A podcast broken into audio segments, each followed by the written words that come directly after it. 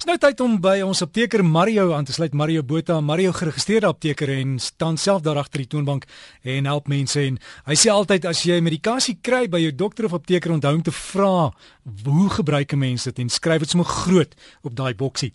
Maar vandag gesels ons oor probiotika. Dis nou nie eintlik 'n medisyne nie, Mario. Dis meer 'n aanvulling of is ek verkeerd?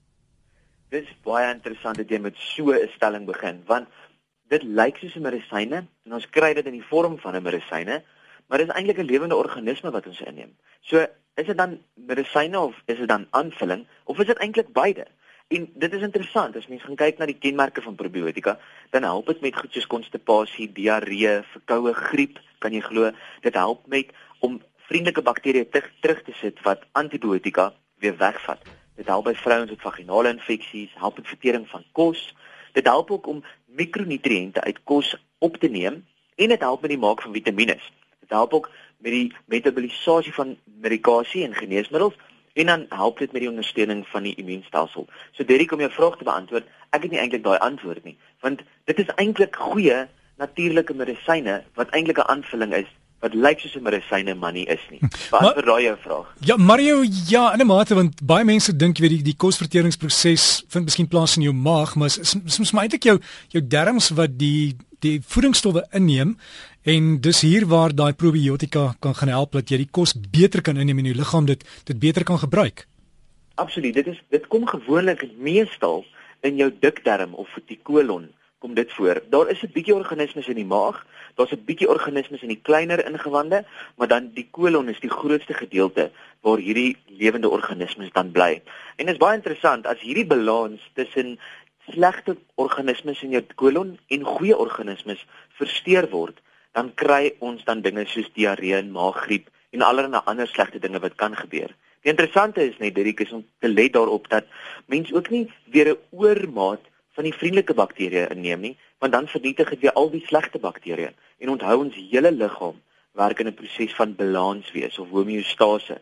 En hierdie is een van daardie prosesse waar daar 'n perfekte balans moet wees tussen sleg en dit is nogal so en dan ook tussen goeie. So moenie oormatig van hierdie goed gebruik nie, maar moet ook nooit nie daarvan gebruik nie. So ons wil altyd sorg dat ons hierdie goeie balans tussen goed en sleg behou in ons kolon. Verseker. Mario, 'n paar jaar gelede het niemand geweet van probiotika nie. Dis nie maar net 'n manier van die farmaseutiese maatskappye om geld te maak nie. Nee, glad nie. Interessant, jy, jy noem baie interessante dinge vandag. Interessant. Nee, dit is nie net 'n geldmaak foefie nie. En dit is 'n ding wat so hier omtrent dis nou so 10 jaar wat dit regtig vlam gevat het in die industrie. Hoekom was dit nooit voorheen beskikbaar op die rakke nie? Ek dink net nie daar was genoeg navorsing daaroor gedoen nie en ook nie om hierdie organismes te kweek of te ekstraheer of in kapsules vas te vang nie, want dit is nogal 'n storie. Jy moet weet hoe dit goed geberg moet word, kan dit te groot hitte hanteer, moet dit in die yskas gehou word, moet ek dit op 'n hongermaag, leemaag drink? Dit is nogal groot dinge om om agter te kom hoe hierdie goed werk en ek dink ons tegnologie het maar net so bevorder geraak dat hulle agtergekom het wat om te doen, die navorsing daarop toe te pas, al die dinge en nou kry ons soveel, soveel maatskappye wat dit nou bemark en dit is verseker in alle apteke en daar's nie net een nie. In die ou tyd het ons gepraat net van Interflora, maar nou is daar 'n klomp, daar's Proviflora, daar's Lactovita, Interflora, dit is legio hoeveel daar eintlik op die rakke beskikbaar is. Mario, ek het ook gesien party aptekers het 'n yskassie dan staan van die botteltjies daar, dis dis 'n 'n ander vorm of is dit maar dieselfde ding?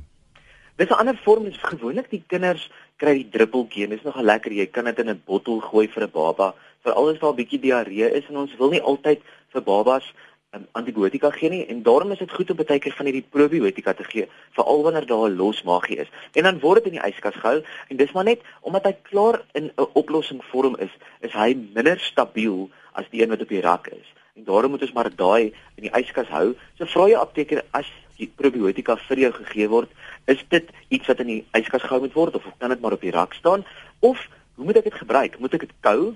Moet ek dit heel sluk, moet ek dit oplos in iets. Daar's soveel verskillende forme op die in die in die winkelrakke beskikbaar dat dit nogal belangrik is om hierdie tipe vrae te vra. So ja, vra hoe dit geberg moet word en as dit in die yskas gestoor moet word, hou dit maar so dan in die yskas. Maar ek het ook al gesien op jogurt is daar die A en B kultuur tekentjie op. Uh, is dit dieselfde as probiotika? Is dieselfde as probiotika. Alle gefermenteerde suiwelprodukte het van hierdie lewende organismes in. En as jy wil op 'n baie natuurlike manier hierdie inkry, gaan soek vir jou jogurts met hierdie AB kulture in. Um want meeste van ons gefermenteerde suiwelprodukte het dit in kaase, jogurt. Interessant, hulle sê partykeer sappe het dit ook in. En dan gevriesde jogurt dis nou 'n nuwe ding wat in die sien in al die winkelsentrums is is hierdie gevriesde jogurtwinkels wat heerlik is. Jy gaan haal jou eie bakkie en tap vir jou gevriesde jogurt dis wonderlik want dit is ook vetvry so dis nogal dis nog 'n lekker ding om te gebruik maar hulle het ook probiotikas in. En dan sê hulle baie koekies en baie interessant het ook van hierdie probiotika organismes in. Mense moet net hier let dat van hierdie probiotikas is nie noodwendig in genoegsame hoeveelhede nie soos wat dit in 'n mediese wetenskap toegegee moet word of toegepas moet word in die liggaam. So kyk maar, jy kan dit inneem en dis goed. As jy iets soos 'n jogurt wil gebruik vir jou aanvulling, doen dit, maar dan moet jy dit elke dag doen en dan redelik baie eet. So 'n halwe koppie na 'n koppie vol is omtrent genoeg om dan vir jou genoeg van hierdie organismes te gee, maar dit gaan nog steeds te min wees as wat jy in 'n kapsuulvorm kry. So ja, maar ek het nog 300 vrae hier, maar ek dink ons tyd die haal ons in. Gaan jy vir ons enigting weer op jou Facebook sit asseblief? Die inligting as ek dit reg het is al sommer reeds op my Facebookblad, so gaan asseblief daarna en gelees. Die hele gesprek is daar, asook dinge wat ons nou nie genoem het nie, soos van die simptome as jy dit nie gebruik nie of van die goeie dinge en van die slegte dinge. Dirk weer net, onthou hierdie is hierdie is iets wat ons liggaam nie noodwendig normaalweg kry nie. So dis iets wat ons van buite af vir die liggaam moet gee. Enige so iets mag ook neeweffekte hê en gesels met jou dokter of apteker voordat jy dit drink. So gesels ons dan met Mario Botha ons apteker hier op Breakfast met Derek. Die gesprek sal se potgooi beskikbaar wees en as jy toegang het tot Facebook, gaan soek maar net vir Mario Botha apteker. Jy sal hom daar kry en jy sien hy het nie baie hare nie. Daar's 'n foto van hom en dan sluit die inligting daar vir ons plaas. Dis Mario Botha apteker. Anders e-pos is mario.m.botha. mario.m.botha by gmail www.rsg.com. En sterkte daarmee en onthou, soos hy gesê het, vra maar altyd jou dokter, die ou ken vir jou en moenie nou nie kanse vat nie, vrou ook jou apteker en wees maar net veilig.